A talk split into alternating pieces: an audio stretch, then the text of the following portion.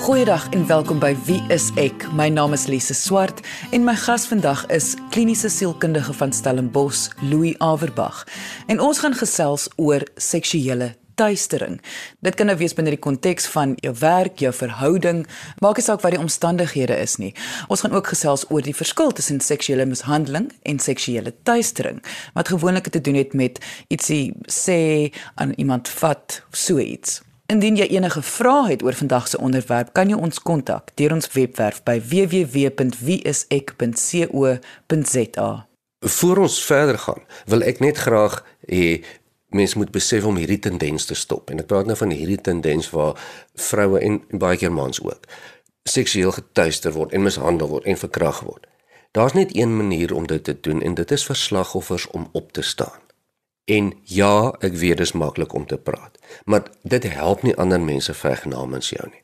Elke slagoffer sal ietsie moet doen, want daar is mag en beheer weggevat van jou as dit so iets met jou oorgekom het. En jy moet dit terugvat. En iets doen wil ek dadelik byvoeg, beteken nie noodwendig iets geweldigs groot soos polisie toe gaan of 'n saak gaan maak of so iets. Dis dis aanvaarbaar as jy wil, maar iets vir jouself waar jy sê goed, ek gaan nie meer stil bly nie. Ek gaan nou dit in 'n dagboek skryf of ek gaan dit vir 'n vriendin vertel. Dit is waar jy begin vir jouself 'n saak maak met die doel om beheer terug te vat wat van jou af weggevat word. Ek moet sê as as 'n vrou in die wêreld, moet ek sê baie dankie Louis. Dit is ek dink is 'n baie belangrike punt wat jy daar maak dat mense dink al maniere hoe mens kan opstaan vir jouself is met 'n groot gebaar. En wat jy nou sê is baie waar. Dit dit hoef nie 'n groot gebaar wees dit gaan oor dat jy moet terugveg as slagoffer om weer beheer in jou lewe te neem. Maar ons gaan later definitief nog meer daaroor gesels Lou, ek dink om seker te maak dat ons almal op dieselfde bladsy is en ons almal verstaan waaroor ons vandag gesels, gaan ek eers vir jou vra wat is seksuele mishandeling? Ja, dis 'n dis 'n term, seksuele mishandeling wat amper spesifiek net vir kinders gebruik word. Hier praat ons van ontoelaatbare seksuele gedrag teenoor kinders. En dit kan dit kan enige graad wees. Dit kan verkrachting insluit tot selfs net suggestie of blootstelling aan pornografiese materiaal. Dit gaan als deur as seksuele mishandeling en, en en met kinders as 'n konteks. Nou vandag gaan ons 'n klein bietjie meer fokus op seksuele tuistering. Wat presies beteken dit? Ja, tuistering is dan daardie ding wat gebeur met volwassenes. Dit is anders as aanranding, seksuele aanranding wat amper 'n gewelddadige komponent aan het, verkrachting, ernstige seksuele aanranding waar daar geweld by betrokke is, nê. Nee? As ons praat van seksuele tuistering, natuurlik kan dit ook 'n verkrachting, seksuele aanranding ensovoorts ensovoorts insluit. Maar dit word amper uitsluitlik gebruik die term om te verwys na die seksuele uitlokking of seksistiese uitbeelding van geslagte by ander volwassenes. En dit is eintlik een van die groot probleme. Dit word bietjie gesien as bietjie minder ernstig. As sê nou maar 'n uh, verkrachting. Dan jy nou sê ag, dit is nie so ernstig nie, dit is net tuistering. Jy weet. So dit dit word gesien as 'n sagter vorm van seksuele aanslag, maar daarmee saam skep dit dan ook die probleem dat dit meer aanvaarbaar is as sê maar 'n aanranding of 'n 'n 'n verkrachting. Ek wil nou amper sê kom ons kom ons noem noem hom op sy naam. Wanneer mens praat van tuistering, praat ons nou van dit kan verbaal wees, iets wat iemand ontoepaslik sê wat seksueel van aard is of dan word gevat op 'n plek waar iemand nie mag vat nie. Ja, kom ons sê vir die doeleindes van hierdie bespreking, sal dit wees van opmerkings of graffiti of uitbeelding tot waar mens fisies dan aan iemand anders vat sonder hulle toestemming maar nou nou nie op 'n manier van verkrachting byvoorbeeld of uh, gewelddadige aanranding nie. Nou moet ek tog vir jou vra, kan tuistering so groot effek hê soos wat gewelddadige aanranding kan? Ja, natuurlik kan dit en ek gaan nou 'n bietjie uitbrei. As gevolg daarvan dat tuistering vir baie dekades eintlik op die agtergrond geleef het teenoor harder seksuele misdade dink ek het mense stadig maar seker keelvol geraak daarvoor. En geleidelik raak daar dan mos nou 'n opswaai kritiese massa en dan kom mens tot op die punt waar jy 'n Me Too beweging het. Wat aanduidend is dat vir baie lank het mense met met stappies vir stappies begin keelvol raak vir 'n sekere situasie. En die situasie is dan dat tuistering afgelag is. Nou kom ons by die vraag oor hoe traumaties is dit. En dit is juis die vraag van wat is nou eintlik meer traumaties as iets anders wat baie probleme veroorsaak. Ons kry dit in die reg ook, in die wet. En die wet moet so wees. Byvoorbeeld, as jy iemand teen hulle sin liggies aan hulle bors vat, gaan jy 'n boete kry in die hof, as jy iemand verkrag, gaan jy waarskynlik tronkstraf kry. So die een is erger as die ander. Dit word ook so gekondoneer deur die samelewing. Hy sê tog jy kan daarom nou nie die arme ou tronk toe stuur nie. Hy het dan nou net dit en dit gedoen. Maar dit sê niks van die slagoffer se ervaring nie. Want hoe weet jy die persoon of die dame wat jy nou net 'n opmerking oor gemaak het wat mos nou kamstig nie so erg was nie. Hoe weet jy wat in haar verlede gebeur het? Hoe weet jy sy is net die slagoffer van 'n seksuele molestering haar hele lewe lank nie? En hierdie ding wat jy nou vir haar sê wat jy dink is nou nie so erg nie, want dit is nie vir jou erg nie. Gaan nie vir haar 'n hele ding oop ruk nie. Jy luister na Wie is ek op RSG 100 tot 104 FM. 'n Ding wat mans baie keer nie verstaan nie. Meeste mans verstaan nie hoe dit is om geobjektifiseer te word nie. Meeste vroue weet hoe dit is om uitgekyk te word en op en af gekyk te word met 'n sekere uitdrukking in die oë. Mans weet nie waarvan ons praat nie. Die meeste mans, né? So dit is dan 'n absolute mite dat een ding noodwendig traumatischer is as 'n ander. Daar is baie mense wat in ernstige motorongelukke is. Hulle is nie getraumatiseer nie. En dan is daar mense wat net liggies iets oorkom en hulle is ernstig getraumatiseer of andersom. Dit is nie die wat ander mense dink is ernstig nie. Dis hoe jy dit binnekant ervaar. So dit kom daarop neer hoe die persoon dit ervaar, die individu dit ervaar. Maar dis tog nou juist die probleem, omdat die samelewing en ons wetgewing ook voel dat die een is minder ernstig as die ander ene. Voel slagoffers dat hulle nie die reg om iets te sê nie, want dit is nie so ernstig dat iemand het net iets vir jou gesê wat van 'n seksuele aard nie of dit is nie so ernstig dat iemand het net wat het jy nou net nou gesê liggies aan jou bors gevat nie of vir jou bout geknyp daar by die kantoor nie. Ja, en dit is absoluut altyd 'n uitdrukking van samelewingsnormes. Verseker wat jy nou gesê het, sou baie geldig gewees het sê maar verseker in die 1970s.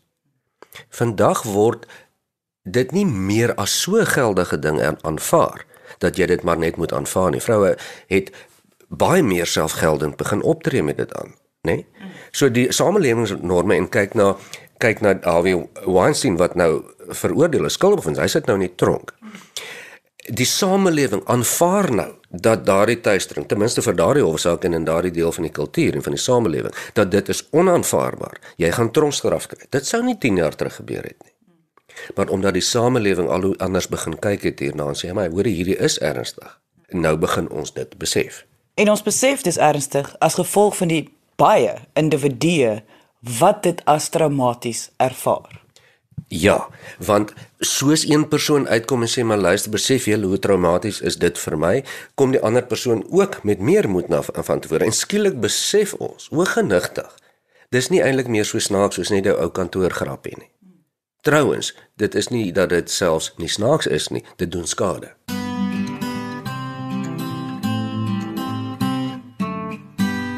Louis, hoe gaan mens mense laat verstaan dat 'n kantoorgrappie kan soveel skade doen? Ek bedoel jy sien mense in hierdie konteks, jy sien die slagoffers. Jy het te doen daarmee dat mense sukkel met hierdie goed en hulle skaam om dit te sê vir ander mense.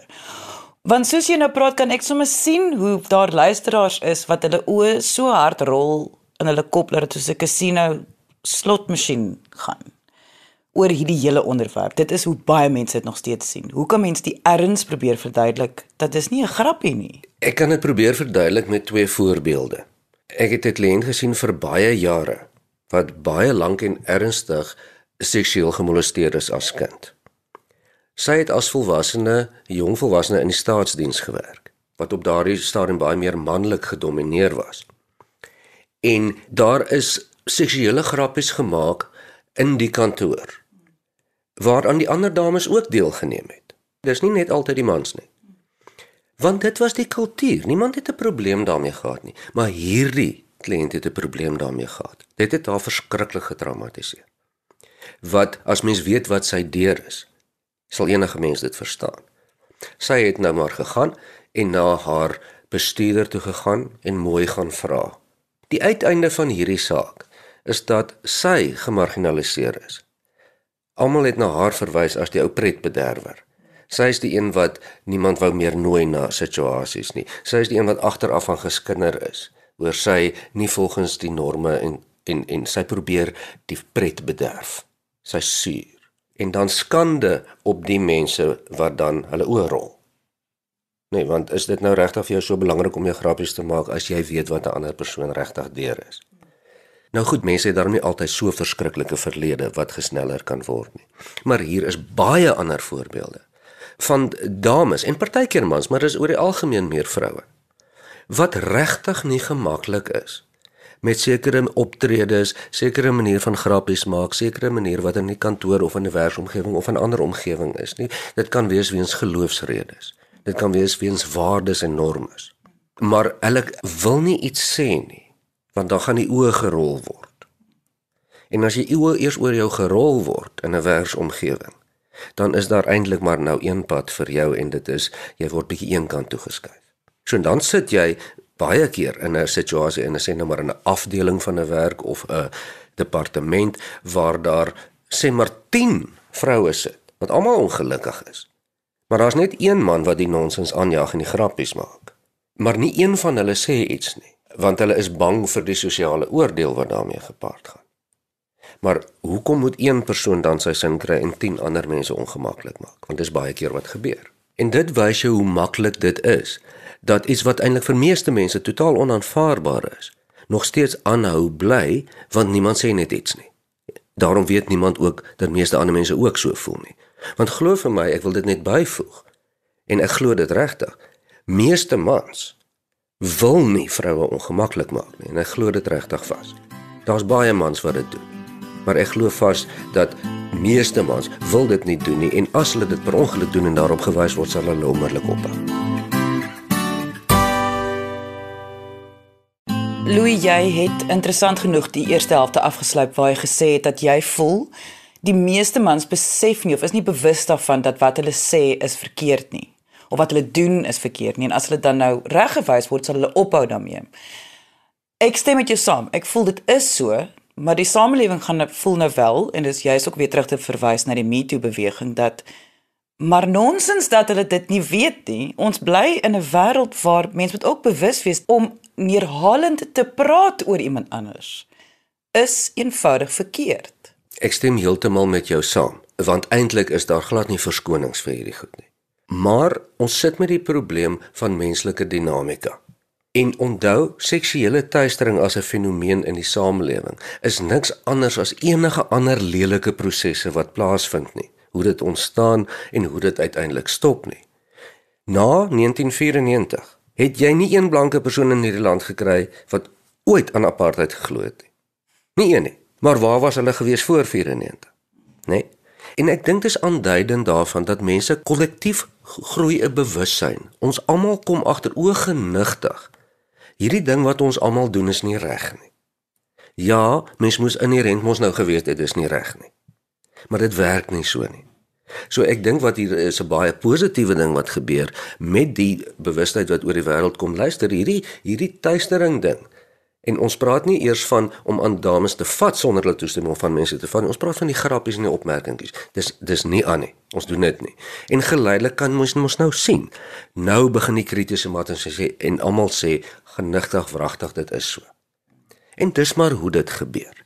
Dis nie noodwendig aanduidend daarvan dat mense in die rent sleg is nie maar dit is aanduidend daarvan dat mense kollektief nie vir hulle self dink nie. Mense kan eintlik sien so half dat die hele mensdom as jy dit in een persoon sou insit, is ons eintlik maar nog 'n kleuter. En dis 'n kleuter wat nog leer soos die prosesse aangaan. Dis 'n vreeslike belangrike ding wat jy daar sê. Ons moet regtig probeer onthou. Ons is nie so ontwikkeld soos wat ons dink as die mensdom nie. Ons is baie onlangs eers bietjie slimmer begin word met die tegnologie. En wat ons vir mekaar sê is met wat ons nou weet, is ons mos nie veronderstel om so simpel op te tree nie. Maar daar's heeltyd oorloë, daar's hongersnood, dis 'n gemors. Daar is ook seksuele teistering. En dit is omdat ons ten spyte van wat ons nou begin verstaan, nog nie almal so begin optree het nie. Maar dit sal gebeur.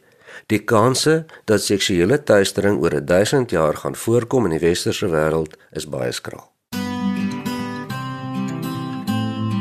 Wanneer kom by seksuele teistering, is dit meer vroue wat die slagoffers is. Wat kry mans dan nou spesifiek daaruit? Is dit 'n magsting soos wat mishandeling ook maar is? Ja, ek wil net eers begin deur te sê dat seksuele teistering, net soos mishandeling en verkrachting, wat kry mens daaruit of dit nou man of vrou is? Jy kry mag daaruit. Jy is lekker in beheer. Dis waaroor dit gaan. En om op 'n seksuele manier beheer te neem is een van 'n een van die oudste trucs in die wêreld se geskiedenis. En dit is so dat vroue op daardie manier nog altyd onder mans deurgeloop het. Ek dink dit is 'n uitbeelding van aggressie en mag van dinge wat nie reg is nie. Jy kry nie hierdie gedrag sonder in baie beskaafde groeperings nie waar dit nie nodig is om mag uit te oefen nie. En dan vra mens ook hoe is mans gekondisioneer om so op te tree. As jy 'n Viking seun is en jy word groot en jou ouers en jou ooms het slawe en vrouens en hulle behandel hulle op 'n sekere manier, wat gaan jy doen? As almal om jou die grappies maak en almal lag vir dieselfde grappies, wat gaan jy doen? So ek dink die bewussyn wat nou kom, daar's daarom 'n magsverandering wat in die wêreld besig is om plaas te vind. Geslagsongelykheid is toenemend besig in die westerse wêreld veral om regtig te verander. En dit dis meestal vroue wat dan nou opgestaan het en sê nee basta hiermee dit gaan nie so werk nie. En daar is baie mans wat dit ondersteun.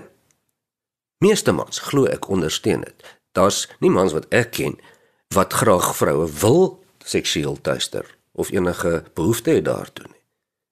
So waarom sal mans 'n probleem hê daarmee as vroue dan regtig opstaan? As jy 'n probleem daarmee dan sal mos 'n fout met jou as man Jy luister na Wie is ek op RCG 100 tot 104 FM. Maar laat ons dit nou maar net sê, dit is tog nie altyd mans wat die seksuele teistering doen nie. Daar is tog vroue ook. Versekering, teistering is teistering.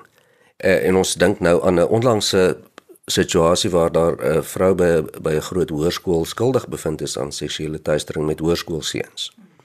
Dink gou hoe die samelewing oor die algemeen op daardie situasie gereageer het.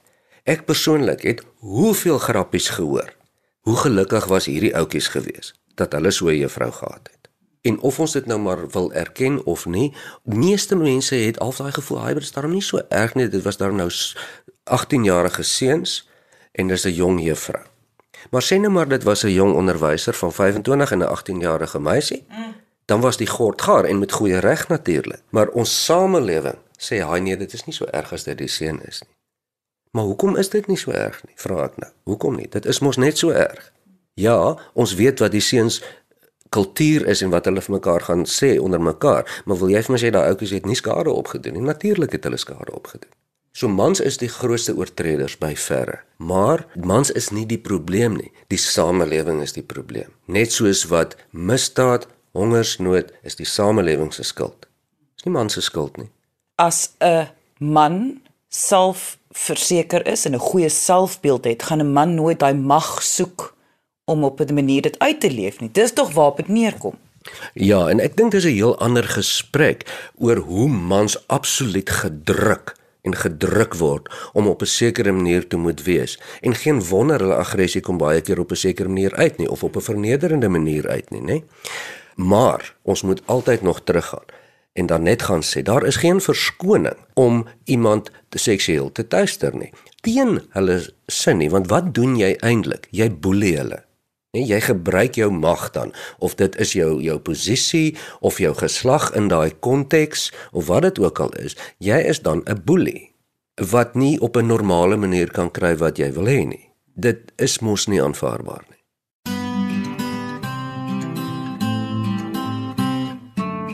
Heel in die begin van vandag se episode Louis het jy uh, afgeskop met jou eie woorde en jou eie siening. En dit het daarop neergekom dat jy voel slagoffers gaan minder van 'n slagoffer wees as hulle vir iemand vertel van wat gebeur het. Ja, baie definitief. En by iemand vertel wat gebeur het, bedoel ek nie noodwendig die polisie of die personeel uh, afdeling of selfs iemand amptelik nie. Dit kan selfs jou vriendin wees. Die gedagte hier is dit: as jy 'n slagoffer is van kom ons sê seksuele teistering of enige ander vorm van boelie, dan is dit nie jou skuld nie. Maar ongelukkig gaan die teistering nie ophou net omdat dit nie jou skuld is nie. Die wêreld is nie 'n regverdige plek nie. Daarom is die manier om hierdie situasies te hanteer deur beheer te neem. Nou dis baie maklik om te praat. Maar die heel eerste ding van beheer neem is altyd om dit vir iemand te vertel, presies soos wat jy sê, want nou is dit nie meer 'n geheim en dit bestaan nie net meer in jou kop nie. Al is dit vir net daardie een vriendin of vriend wat jy het. Jy sweer nou hier voor my jy gaan vir niemand sê nie want ek is verskriklik skaam hieroor, maar hierdie en hierdie en hierdie is besig wat om te gebeur en dit en dit is wat hy gesê het of gedoen het. Want nou raak dit 'n amptelike ding. Hooplik kan jy op 'n punt kom waar jy sal moet terugveg. Want mens moet beheer neem en onthou, mens kan nie getuister word as jy beheer het oor jou eie ervaring daarvan. Jy kan nie keer wat ander mense sê of doen nie. Maar jy kan beheer oor wat jy doen. Ek sê nie dit is maklik nie. Maar ek doen dis 'n beroep op mense wat slagoffers is hiervan om dit nie net te aanvaar nie. Ons sien wat kan gebeur en wat kan gedoen word as jy dan jou mond oopmaak. Die eerste stapie is dan net om vir iemand anders te vertel. Jy weet, en miskien kan julle vir 'n maand of twee sommer net bietjie saamgesels en lamenteer oor hierdie aardige aangeleentheid. Wie weet, dalk kan jy dalk oor 2 maande dalk vir iemand anders ook vertel. En miskien sê daai iemand anders, weet jy, jy kan nie glo nie, maar hy het dit vir my ook gesê. Nou raak dit bietjie makliker. Al is dit 'n lang proses, soos enige ander slagofferskap in die lewe, wil mens graag daai rol omdraai en sê, "Goed, ek gaan nou nie 'n slagoffer bly nie. Ek kan nou nie dit doen of dit regkry of X of Y nie, maar ek kan darm hierdie sê of hierdie maak." Baie van hierdie bewegings wat ons sien is dat hulle hits mense aan om spesifieke saak te gemaak of polisie toe te gaan of of na die soos jy gesê die personeel mense te gaan. Baie mense het nie daardie moed nie en dit is dalk nie daardie in daardie konteks om dit te kan doen nie. So net om te praat is 'n begin. In 'n begin gaan dalk lei tot iets anders. Ja, en daardie iets anders is nie vir ons om te sê nie. Dis nie vir ons om te sê luister jy moet nou gaan en jy moet vir die polisie gaan vertel. Baie mense wil dit nie hê nie. Weens baie redes is ook nie noodwendig goed vir hulle nie. Is nie noodwendig wat vir hulle gaan werk nie. Maar die hele boodskap is dat baie duidelik is daar nie meer hoekies om in weg te kruip vir mense wat ander mense seksueel wil tuister nie. Dit raak al hoe moeiliker en dit gaan toenemend al hoe moeiliker word. Jy is nie meer so alleen nie. Ja, dalk waar jy werk, sê jy nou, weet ons nie hoe dit is nie en ek, en ek weet dit is so. Daar's hele maatskappye of organisasies wat almal seksistiese organisasies is. Ons weet dit. Maar hulle gaan nie baie lank meer daarmee wegkom nie. En jy hoef nie heeltemal stil te bly nie. Jy kan iets doen. Begin net deur met ander mense te praat. Indien jy enige vrae het oor vandag se onderwerp, kan jy ons kontak deur ons webwerf by www.wieisek.co.za of jy kan kom saamgesels op ons Facebookblad onder wieiseksa. Dankie dat jy vandag ingeskakel het. Ons maak weer so volgende Vrydag 12:30 net hier op RSG. Jy moet 'n heerlike naweek hê he, en onthou, kyk mooi na jouself.